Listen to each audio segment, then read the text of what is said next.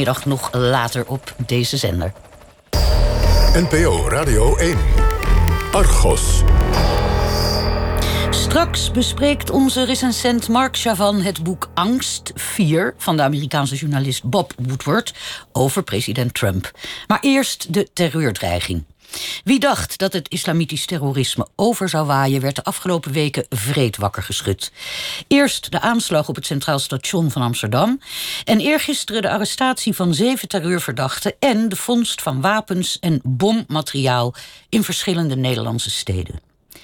In november 2004 gooide Jason W. van de Hofstadgroep bij zijn arrestatie een handgranaat naar de politie en verwondde vijf agenten. Hij werd tot 15 jaar gevangenisstraf veroordeeld. Inmiddels is hij vrij en hij heeft het jihadisme afgezworen. Hoe is Jason toen der tijd geradicaliseerd en nu uiteindelijk ook weer gederadicaliseerd? Argos-verslaggever Ellen van den Berg sprak met hem. Die nacht om kwart voor drie sluipt het arrestatieteam het portiek op en ramt de deur. Maar die gaat niet open. Ze krijgen maar een deel opengebroken. Jason en Ismail gingen er al vanuit dat de politie ze vroeg of laat zou komen halen... en hebben de boel gebarricadeerd. Ze schreeuwen, kom ons maar halen, hier hebben we jarenlang op gewacht. Aloha Akbar. Om de druk wat op te voeren gooit Jason W. een handgranaat. Een fragment uit een reconstructie van Omroep West... van de nacht van 10 november 2004 in het Haagse Laakkwartier. Jason W., de W staat voor Wolters... Uitgerekend één van de grootste ex-terroristen die Nederland heeft voortgebracht, publiceert een onderzoek met tips hoe we de aanwas van nieuwe terroristen kunnen voorkomen en hoe we ze eenmaal geradicaliseerd kunnen deradicaliseren. Mijn naam is Jason Walters. Veel mensen kennen mij natuurlijk hè, uit, uh, op basis van het verleden als de zogenaamde beruchte Jason W. van de zogenaamde Hofstadgroep. Walters, een middelgrote, onopvallende man, 33 jaar studenticoos gekleed, een spijkerbroek, een wit t-shirt, een bril, een zwart petje en een beginnende baard. Hij heeft een bescheiden, vriendelijke uitstraling. NOS Extra Journaal.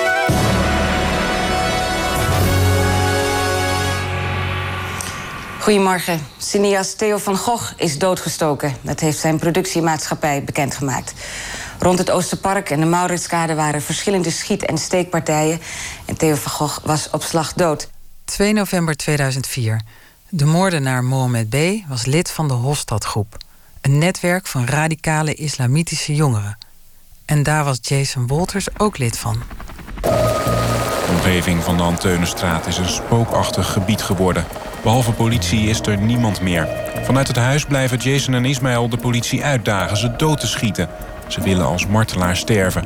Ze roepen dat ze 20 kilo explosieven hebben, dat ze de hele buurt zullen opblazen. Er begint een urenlange belegering.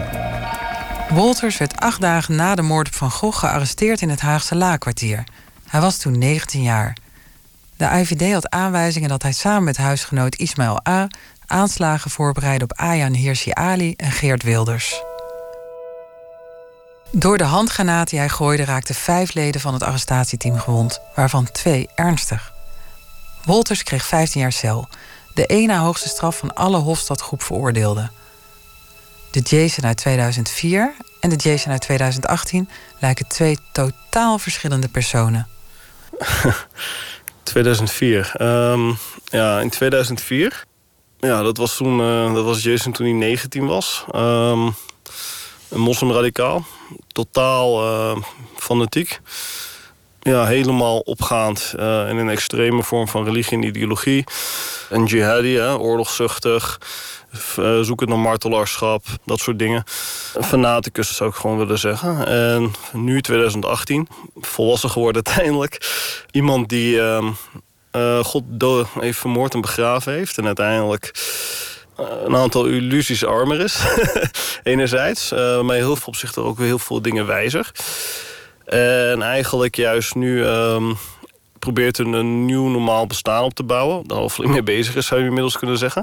Ik ben natuurlijk al een tijdje vrij. Eigenlijk, Sinds 2013. sinds 2013 inderdaad. En eigenlijk vooral nu ehm, academische aspiraties heeft.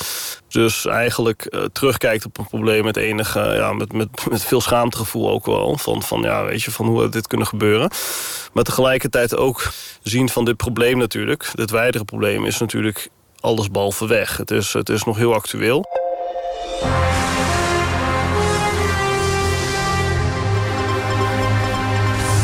Goedenavond, een kort extra NOS-journaal in verband met de arrestatie van zeven mannen. Die zijn aangehouden, worden verdacht van het beramen van een grote terroristische aanslag op een evenement in Nederland. Het NOS-journaal, 27 september jongsleden. Het is dus nog steeds actueel, 14 jaar later. Ik spreek meerdere keren met Jason Wolters. Er was veel twijfel van zijn kant.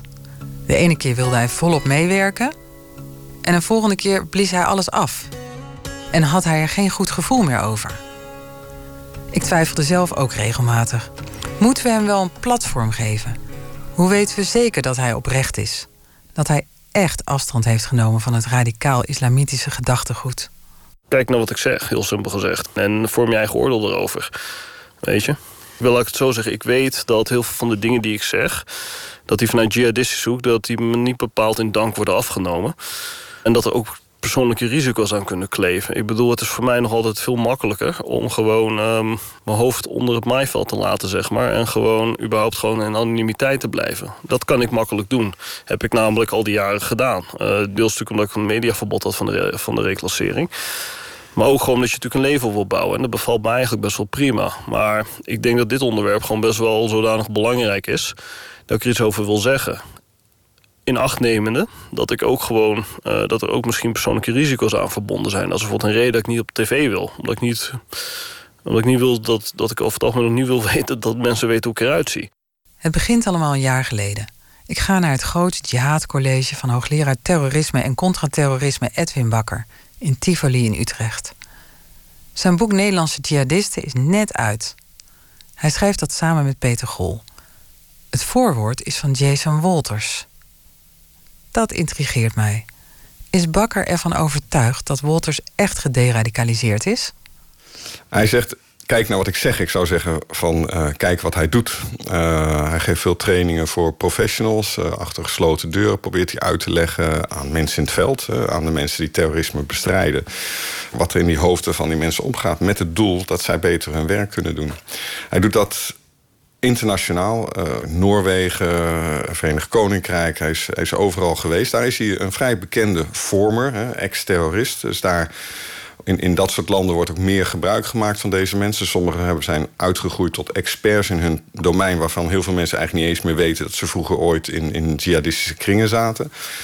Nou, in Nederland hebben we een, een heel een ongenuanceerd debat soms. En best wel een harde sfeer. Eens een terrorist, altijd een terrorist. Ik heb het hier ook meegemaakt. Toen hij hier kwam waren er ook collega's die echt heel erg schrokken. Dat kan toch niet? Hij heeft voor eens en voor altijd wat gedaan. Terwijl onze hele rechtsstaat erop gericht is om mensen te reïntegreren in de samenleving. Daar zijn we hartstikke goed in. Maar soms vind ik het heel moeilijk om dat uh, toe te geven. En is het ook makkelijker om een sceptische houding aan te nemen. In 2010 schrijft Wolters vanuit de terroristenafdeling van de gevangenis in Vught een ingezonden brief aan de Volkskrant.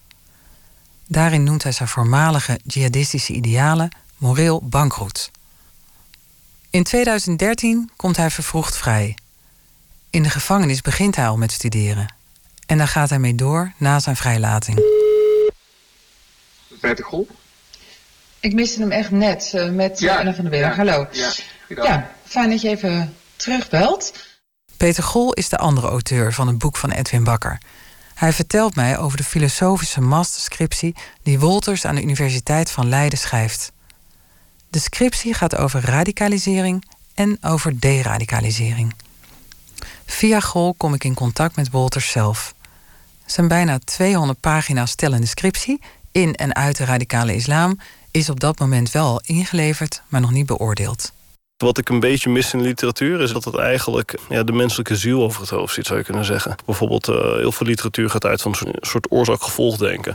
Waarbij je eigenlijk als het ware mensen als een soort robots maakt of zo. Van als je maar voldoende en noodzakelijke voorwaarden hebt of genoeg oorzaak hebt, dan krijg je dit gevolg eruit dat valt moeilijk te rijmen, zeg maar, met ja, hoe je zo'n proces daadwerkelijk beleeft.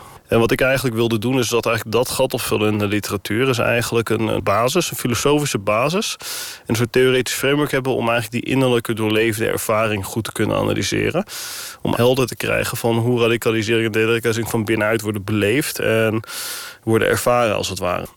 Vanuit die positie, zeg maar, als iemand die uh, er ooit heel diep in heeft gezeten en er nu eigenlijk volledig uit is gestapt eigenlijk juist ook probeert te kijken van hoe kan ik daar uh, godsnaam een positieve, constructieve rol in spelen op dit moment. Ik ken hem eigenlijk uh, sinds hij vrij is. Ja, eigenlijk van de eerste dag van zijn proefverlof uh, kwam hij hier uh, om met mij en Beatrice de Graaf te praten. Ook over zijn toekomst. En wij waren natuurlijk zeer geïnteresseerd in wat deze jongen had doorgemaakt in de afgelopen tien jaar, waarvan acht jaar in de gevangenis. Hoogleraar Edwin Bakker was de docent van Wolters, zijn tweede lezer van zijn scriptie en ook tijdelijk zijn collega. Wat is de waarde van zijn onderzoek? Nou, ik denk dat de meerwaarde is dat hij uh, een stap verder gaat. We hebben heel veel in de literatuur uh, benadering, rationele benadering. Wat, wat zit er voor deze mensen in om zich bij zo'n groep aan te sluiten of daarmee betrokken te raken? Sociaal-psychologische verklaringen. Uh, van wat, gaat er, wat zijn groepsprocessen, wat gaat er in zo'n persoon om? Maar hij gaat toch nog een stap verder met die filosofische benadering. Hij probeert bloot te leggen wat heel veel mensen moeilijk vinden om te begrijpen. Ook ik. die innerlijke strijd om het zijn. Hè, wie ben ik? wat betekent betekent God voor mij dat, dat hele diep doorleefde religieuze, politiek-religieuze. Uh, daar kunnen weinig mensen bij. Ik denk dat ook trouwens van de meeste terroristen er weinig waar die zo diep erin zaten als, als Jason. Maar daar hebben we geen idee van. En deze studie helpt ons dat beter te begrijpen van hoe, hoe denkt zo iemand? Hoe komt zo iemand in die gedachten? En hoe komt hij er ook weer uit? Eh, dat heeft mij wel geholpen. Ik vind ideologie niet een van de belangrijkste verklarende eh, factoren voor jihadisme of extremisme. Groepsprocessen, persoonlijke kenmerken. Bakker houdt zich als terrorisme-deskundige al vele jaren bezig met radicalisering. Hij dacht dat persoonlijke kenmerken en groepsprocessen een veel grotere rol speelden dan ideologie. Maar de scriptie van Wolters zette hem aan het denken. Hij heeft me wel overtuigd dat voor ieder van een bepaalde categorie het echt noodzakelijk is om, om te begrijpen wat ideologie met mensen doet, met het zijn van mensen doet. En dat een filosofische benadering daarbij behulpzaam is. En ik vind dat echt een, een meerwaarde. Hij heeft mij overtuigd dat ja, ideologie uh, doet ertoe. 31 januari van dit jaar krijg ik een kort appje van Wolters. Daarin staat: Het is een 8 geworden. Ik feliciteer hem. Hij antwoordt: Stiekem hoopte ik eigenlijk op iets hoger. Maar daar staat tegenover dat het gemiddelde cijfer van de masterscripties een 6,5 is. Hoogste ooit is een 9. Dus vanuit dat perspectief ben ik wel tevreden. Walter stemt in met een interview. Maar hij stelt wel voorwaarden. Zo wil hij het niet hebben over de moord op Theo van Gogh, over zijn arrestatie, de herkomst van de granaat en de rol van de AVD. Ik ben bang dat als je het hierover hebt, is dat je te veel de, de werkwijze, bijvoorbeeld van de politie of van de IVD of van justitie gaat weggeven. En dat kan soms in hele kleine dingetjes zitten, want dat weet ik zelf achteraf. Van als je extremist bent, heb je best wel een en ander ergens wel door of zo. Maar je kan het niet zonder dat je het echt ziet of zo. En vaak zijn het hele kleine beetjes informatie waardoor je het ineens ziet. En ik wil niet dat jonge extremisten in hun leerproces versneld worden. Ik wil dat ze zo dom en onwetend mogelijk blijven, simpel gezegd. Zodat ze gewoon de kans, want het is heel simpel, ze worden opgepakt door een fout en daar worden ze door veroordeeld. En ik wil dat ze fouten blijven maken. Er zijn dus een aantal onderwerpen waarover Wolters niet wil spreken. Toch hebben we afgesproken dat hij zoveel mogelijk met een open vizier onze gesprekken ingaat. Ik wil namelijk vooral van hem weten wat de knoppen waren die tot zijn radicalisering leidden. Maar ook wat de knoppen waren die tot zijn deradicalisering leidden. De weg richting zijn radicalisering zet al vroeg in. Ja, ik denk dat het eigenlijk al vrij jonge leeftijd begon met een soort gevoel van ontheming of zo. Ja, niet echt thuis zijn in de wereld. En dat bij mij een soort zoektocht heeft geleid. Die uiteindelijk op het twaalfde tot bij de islam heeft gebracht. En dat ik, uh, ja, toen ben ik ook bekeerd rond die leeftijd, 12, 13 of zo. hoe kwam dat dan? Hoe, hoe kwam u in aanraking met de islam? Ja, ik ben eigenlijk een beetje met, ja, een beetje bij toeval met islam in aanraking gekomen. Want, want jullie waren uh, christenen, toch? Ja, ik ben van huis uit christelijk inderdaad. Het is heel mijn ouders zijn gescheiden toen ik tien was. En mijn vader is toen uh, in een migrantenbuurt gaan wonen. Ja, daar woonden vooral Marokkanen, Turken, veel moslims, zeg maar. Dus dat zijn dan ook de vrienden die ik toen heb gemaakt, zeg maar, rond die leeftijd. En zo ben ik eigenlijk met islam in aanraking gekomen. Jason is in Nederland geboren en groeit op in een lager middenklasse gezin. Zijn vader is Amerikaan, zijn moeder Nederlands. Zijn vader kwam ooit als militair verpleegkundige naar de vliegbasis Soesterberg. Al snel daarna verlaat hij het leger en krijgt hij een baan als kleurmaker in een verffabriek. Jason heeft twee zussen en een twee jaar jongere broer, Jermaine. Hij was ook lid van de Hofstadgroep, maar werd niet veroordeeld. In september 2014 vertrekt Jermaine met zijn gezin naar Raqqa, de zelfbenoemde hoofdstad van IS. Bij een bombardement, juni 2015, komt hij om het leven. Ik wil het hier graag met Jason over hebben. Maar ook dit is een onderwerp waar hij niet over wil praten. Ik heb rekening te houden met de moeder, uh, met de familie, uh, met de schoonfamilie. Ja, die waarderen niet als ik daar gewoon over praat, heel simpel gezegd. Uh, en ja, dat is ook prima hun recht. Terug naar zijn jeugd. Hij voelt zich ontheemd. Hoe komt dat? Ja, dat is lastig te beschrijven. Het is misschien een soort gebrek aan, aan zingeving, zou je kunnen noemen. Maar, ja, maar echt al op de lagere school voelde u dat? Ja, echt als een 6, 7 was. Ja, zo echt zolang ik... Uh... Maar wat is dan echt een specifieke herinnering waar dat uit blijkt? Nou ja, dat ik bijvoorbeeld vroeger bijvoorbeeld heel erg op zoek was van, uh, naar God. Waar kan ik God vinden? En dat ik bijvoorbeeld vroeger wel eens naar de naar bijbelschool ging of zo. Om, uh, ik heb op christelijke school gezeten. En dat ik vroeg van, wat verwacht God nou eigenlijk van mij? Wat moet ik doen, dit en dat? En dat ik nog nooit antwoord op kreeg en zo. Dat ik dat al op 6, 7-jarige leeftijd vroeg. En wat is dan het moment dat je op 12-jarige leeftijd besluit je te bekeren? Ja, dat was eigenlijk toen ik een moskee kwam. Ik, was natuurlijk kerken gewend. En kerken zijn natuurlijk, hè, ik bedoel, ja, zijn natuurlijk meer musea of mausolea zou je bijna kunnen zeggen. Dus groot en statig, maar ook leeg, koud, kil, slechte akoestiek. Uh, zijn een soort veredelde musea of grafkelder zou je bijna kunnen zeggen. En ja, toen ik voor het eerst moskee kwam, ook nog tijdens de ramadan... toen was het, ja, weet je, het, het is totaal anders. Het is klein, het is knus, het is warm. Gelovigen staan dicht bij elkaar. Goede akoestiek, goed verlicht. Het is, ja, weet je, het is, het is een beetje het contrast van... Ik zocht antwoord in het christendom, wat, een, wat eigenlijk gevoel een soort dode religie was. En ik, toen ik in de islam kwam, kwam ik eigenlijk een keer een levende religie tegen. Dus uh, iets waar je echt thuis kon voelen. Dus, dus ja, dat was voor mij gewoon zeer overtuigend. Kan een knusse moskee echt het begin van radicalisering zijn? Edwin Bakker. En soms zijn het echt dat soort hele simpele dingen die mensen opeens in een nieuwe wereld doen belanden. En, en dat kan voor velen genoeg zijn. Ik denk, ah, ik voel me hier thuis. En, en voor sommigen is dat de start om toch weer verder te gaan zoeken, zoals bij Jason. Looks like six, seven floors were taken out. And there's more oh, explosions oh, right now. Hold on, people are running. Listen, hold, on. just a moment. We got an explosion inside. The building's exploding right now. You got people running up the street. Okay. Hold on, I'll tell you what's going on. Ja, dat is op zich wel een duidelijk punt aan te wijzen. En de tijd, 11 september natuurlijk. Een beetje mijn... Hoe oud was hij? 16. Ja, een soort, weet je, een beetje de coming of age. Uh, viel een beetje samen met de aanslag van 11 september. En, uh, en de opkomst van het internet. En ja, daardoor ben ik heel erg een zoektocht begonnen. En ben ik heel veel jihadistische literatuur ook gaan lezen. En, en ben ik uiteindelijk steeds meer die jihadistische ideologie heel erg toe gaan eigenen. Uh, waar was u toen 9-11 gebeurde? Ja, thuis. Thuis, gewoon in Amersfoort. Ja, je ziet het gebeuren en uh, ja, ja, shock. Ik bedoel, het is, is surreal toch, uh, 11 september. Ik bedoel, het was... Kijk, ik was in tijd nog geen extremist, hè, voor duidelijkheid. Ik bedoel, ik ben juist door 9-11 omdat uh, ja, de wereld als het ware ineens verscheurd werd of zo, op een bepaalde manier zou je kunnen zeggen. Ben ik juist gaan zoeken heel erg. maar leg eens uit die verscheuring in twee kampen. Nou ja, tuurlijk. Ik bedoel, want uh, kijk, daarvoor, weet je, ik bedoel, je was bekeerd tot de islam. En ik bedoel, je bent van huis uit ja, Nederlands, Amerikaans. En dat ging eigenlijk. Er zat eigenlijk niet echt een conflict tussen of zo. Er zat niet echt een tegenstrijdigheid tussen. Dat kon naast elkaar bestaan. En, en ja, met 11 september of zo, dan kreeg je je eigenlijk het idee van... Uh, je moet positie kiezen, je moet kant kiezen. Wolters is gechoqueerd door 9-11. Toch radicaliseert het hem. Hoe kan dat en wanneer gebeurde dat dan? Ja, die periode daarna. Ik bedoel, dat aan 9-11... hoeveel later? Ja, gewoon de maanden daarna. Voor mij spitste de vraag zich op een gegeven moment toe van wat, hoe moet ik mij vanuit, als moslim vanuit de islam hiertoe positioneren. We kunnen dat ontzettend goed onderbouwen met uh, bronteksten. Ik bedoel, in de hadith bijvoorbeeld, Profeet Mohammed, als hij bijvoorbeeld zelf over de toekomst spreekt, is dat, uh, is dat hij zegt van de islam is klein begonnen, het zal groot worden en het zal weer klein worden daarna. En uh, vlak voor het einde der tijden, vlak voor die apocalyptische toekomst...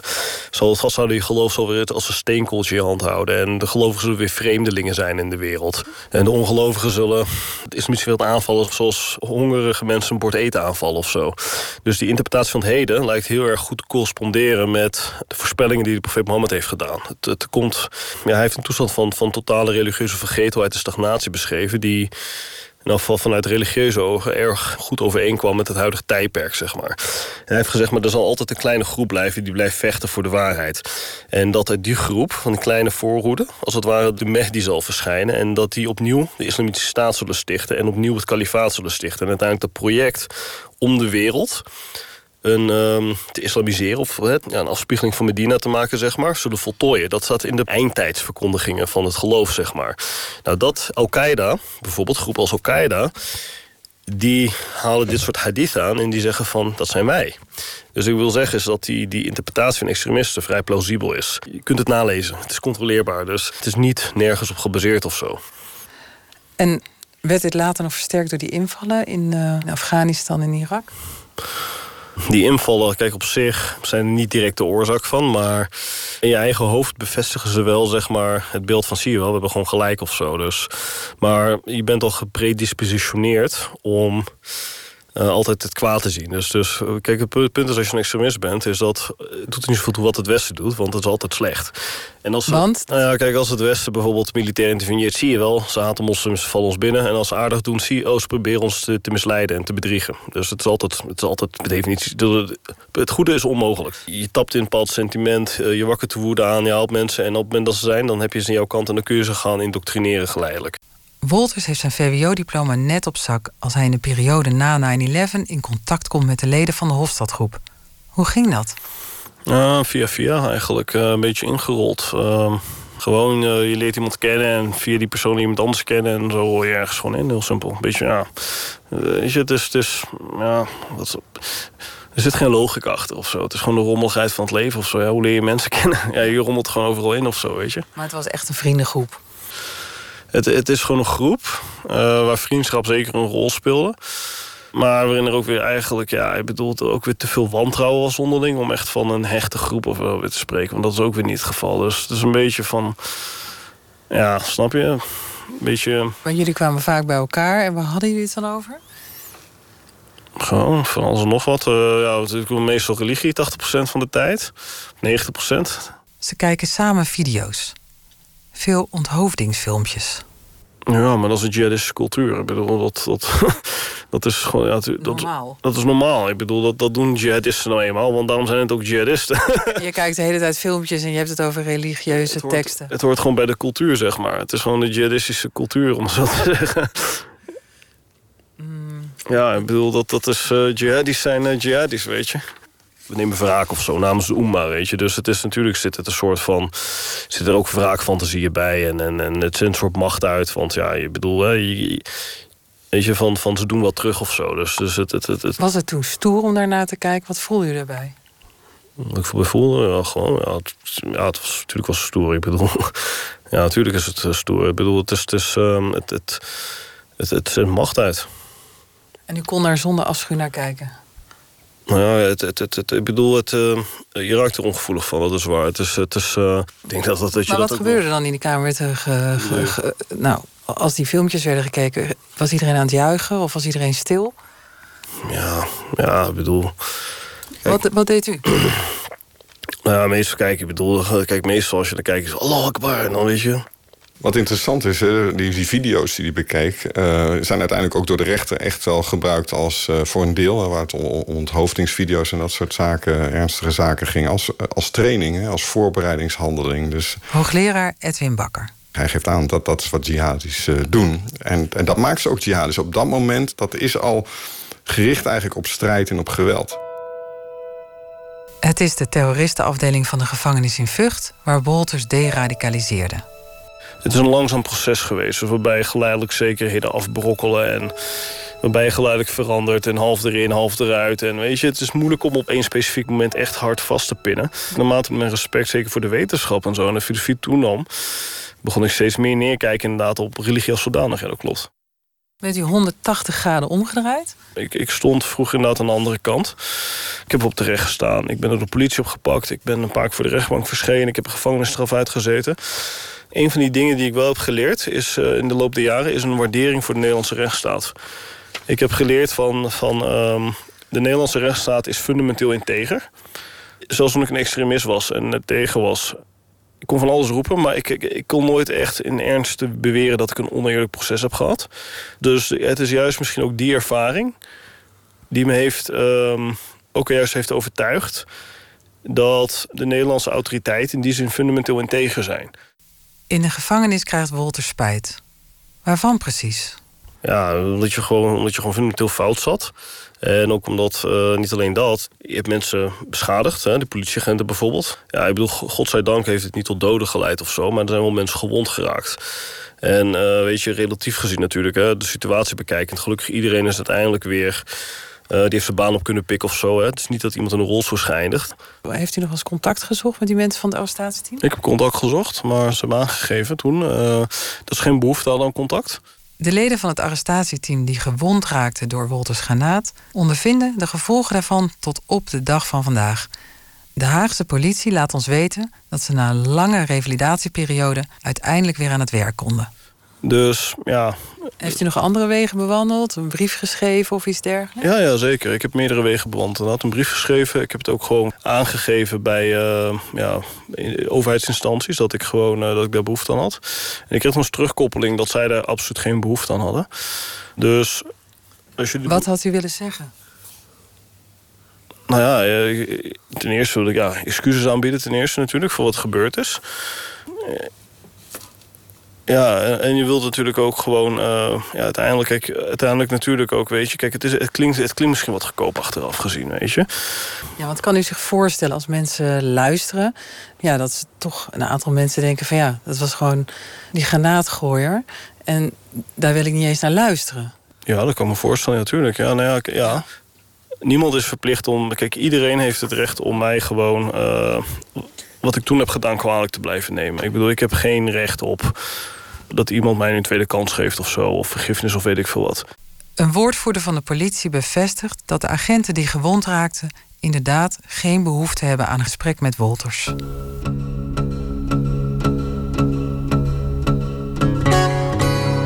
Vanaf 2006 zit Jason vast op de terroristenafdeling. Eerst radicaliseert hij verder, maar na een aantal jaar krijgt hij steeds meer twijfels. Vooral nadat hij begint met een studie Algemene Cultuurwetenschappen via de Open Universiteit. Zijn ommekeer wordt hem niet in dank afgenomen door zijn medegevangenen. Dat was een discussie op leven en dood. Het was een soort oorlogsvoering bijna. Hoezo? Ja, omdat zij natuurlijk dat tegen probeerden te houden. Daarom. Want waar praat u dan tijdens het luchten? Uh, ja, onder andere of uh, ja, tijdens de op het moment dat je uit cel bent en dat je dat met anderen bent, zeg maar. Maar had u contact met uw vroegere vrienden daar? Ik zat met ze vast daar. Ja, maar die zag u ook? Die, die sprak u? Ik zat met ze op de afdeling. Ja, nee, ik weet niet in hoeverre u uh, uh, vrijheid had daar. Nou ja, het waren de enige mensen die vast op de theater. Dus ze zaten op de afdeling. Ja, zaten... Met wie zat u daar? Ach, ja, gewoon met al die uh, mensen die... ja, tenminste, durfden die al vast zaten. Semir bijvoorbeeld, uh, Semir A. Noord F of zo. Dus, dus gewoon, ja, die gasten die... Uw vroegere vrienden van de Hofstadgroep? Ja, die nog vast zaten, ja. Daar zat je gewoon weer vast. Ja. En hoe ging dat dan? Want eerst waren jullie nog vrienden toen jullie daar zaten. En toen? Ja, dat was omgeslagen op een gegeven moment in uh, bittere vijandschap en haat. En waar uitte zich dat dan in? Discussies en sociaal isolement. Uh, ja, het feit dat je eigenlijk ja, sociaal eigenlijk heel erg uh, geïsoleerd raakt. En dat eigenlijk iedere vorm van sociale interactie die je hebt, uh, want die heb je natuurlijk niet zoveel nog gevangenis, dat die alleen maar bestaat uit discussie, discussie, discussie, strijd, strijd, strijd. Zodat het eigenlijk een, ja, een constant intellectuele strijd was en dat je daarbuiten eigenlijk geen modus van menselijk communicatie of omgang had. En niemand ging met u mee in uw gedachten? Ja, sommige die zijn gedeeltelijk meegegaan, maar sommige niet. Uh, sommige, ik ga geen namen noemen trouwens, maar die, uh, die verzetten zich er hevig tegen. Sommige gingen, gingen meten op zekere hoogte. En die verzetten zich er hevig tegen. Hoe uitzicht dat dan? Puur in discussie ook of op andere manieren? Nou, kijk, ik, ik, ik denk wel dat. Uh, dat het voordeel, of nou ja, het voordeel, ik denk dat dat een van die dingen van, uh, van die, ja, die zogenaamde Hofstadgroep, ik denk wel dat wat in onderscheid met bijvoorbeeld misschien wat latere generaties, dat het algemeen wel vrij uh, relatief intelligente gasten bij zaten. Dus dat veel van die mensen in die groep, zeg maar ook het gezag van argumentatie erkenden. Ik bedoel, van, ik bedoel, er zat ook bijvoorbeeld een paar andere terreurverdachten bij, of uit andere zaken die dan, of uit heel ander soort zaken, die bijvoorbeeld best wel dom waren. En die, die hadden niet van, joh, als je iets zegt wat ik niet mee eens bent, dan sla ik gewoon op je bek. Heel simpel gezegd. Je werd niet op je bek geslagen door je voormalige vrienden? Nee, nee, nee. Maar bijvoorbeeld uh, die gasten, zeker uit die voormalige Hofstadgroep, die, die snapten, die zijn slim genoeg. Uh, zitten, het zijn allemaal gasten die, uh, ja uh, denkniveau universiteit hebben, zeg maar, die snappen de waarde van argumentatie. En die snappen ook dat een argument bestreden moet worden met een tegenargument. Dus je krijgt wel echt inhoudelijke intellectuele discussie.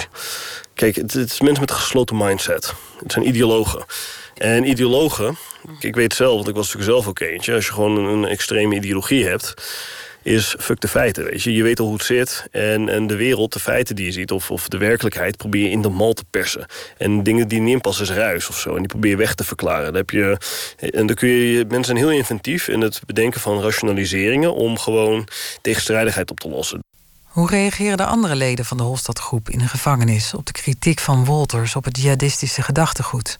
Bijvoorbeeld weet je dat als je bijvoorbeeld een argumentatie wint of zo, dat ze zeggen van uh, ja, maar je bent veranderd, want jij, jij bent altijd al een draaikont geweest of zo. Weet je, terwijl ze een jaar daarvoor zeiden van, uh, van uh, jij, bent, jij, bent, jij bent zo vroom en jij bent altijd zo standvastig, weet je. En dan twee jaar later van jij bent altijd een draaikont geweest. Dus dat het niet oprecht is. Ja, dat vond ik, vond ik eerloos. Dat vond ik lachhartig. Het zijn hele smerige trucjes om uit een inhoudelijke discussie te kunnen ontsnappen. Heeft u nu nog contact met een aantal van deze personen? Nee. Nooit meer gehad? Nee. En is er iemand om van hun, dat u weet? Van degene die daar bij u toen zaten in de gevangenis? Um, nou ja, ik weet je, um, ja, er, zijn, er is uh, minimaal één om.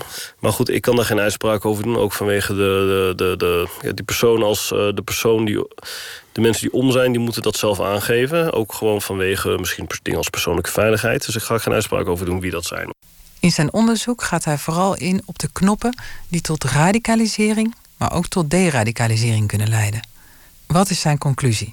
Bij radicalisering is dat een persoon zich eigenlijk volledig en totaal zeg maar, samenvalt met zijn ideologie of zijn religie. Is dat, dat er eigenlijk geen verschil meer is. En bij deradicalisering zie je exact het tegendeel. Is dat er eigenlijk juist een soort van individualiteit ontstaat die er eigenlijk niet is op het moment dat je echt radicaal bent. En heeft hij ook nog tips? Uiteraard kun je het faciliteren ja, ondersteuning bieden. Dus zeg maar de mensen die zeg maar, eruit stappen of zeg maar, een beetje eruit dreigen te gaan, wel de middelen aanreiken. Zeker als je in de gevangenis eh, zit. Om, om dat mogelijk te maken. En door bijvoorbeeld, ja, dat je bijvoorbeeld door het nou van niet te verbieden om een studie te volgen. Door bijvoorbeeld om niet te verbieden om bijvoorbeeld gewoon wetenschappelijke literatuur uit bibliotheken buiten de gevangenisbibliotheek te halen en zo.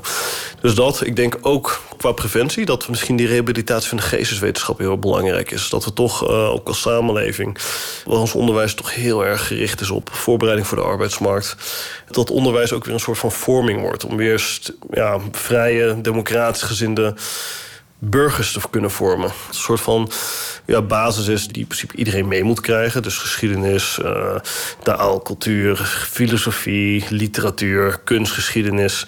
Dus onderwijs als meer dan alleen maar gewoon voorbereiden op een baan, maar ook, ook inderdaad gewoon bijdraagt aan een bredere ontwikkeling van de persoon. Intellectueel, karaktervorming, morele vorming, burgerschapsvorming.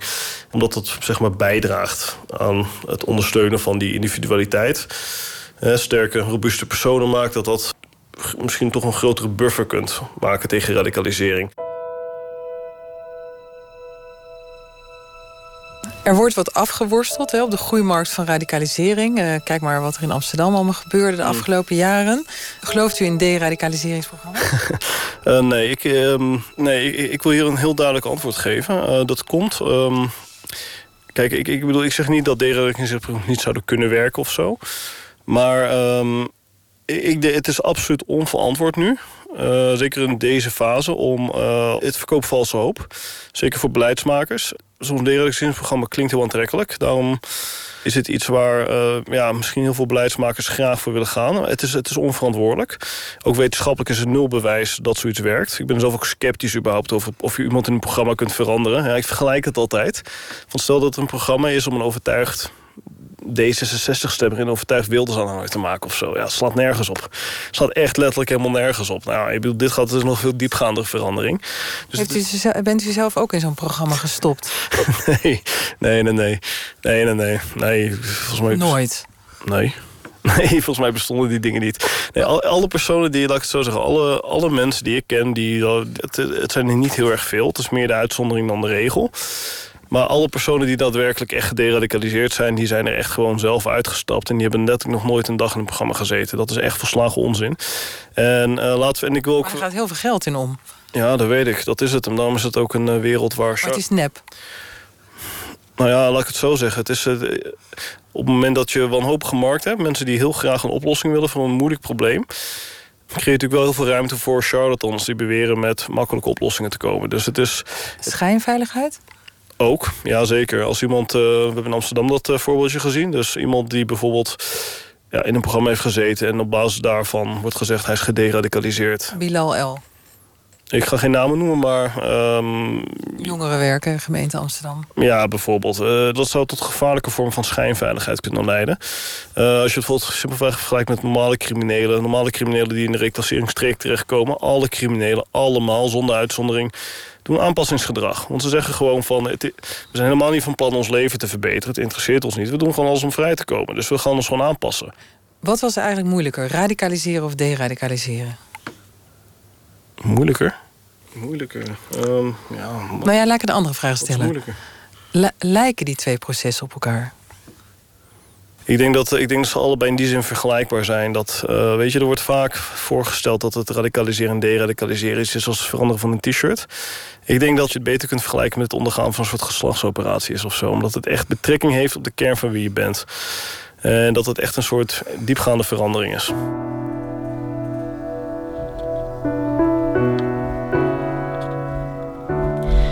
Reportage van Ellen van den Berg met medewerking van Matthijs Bremer.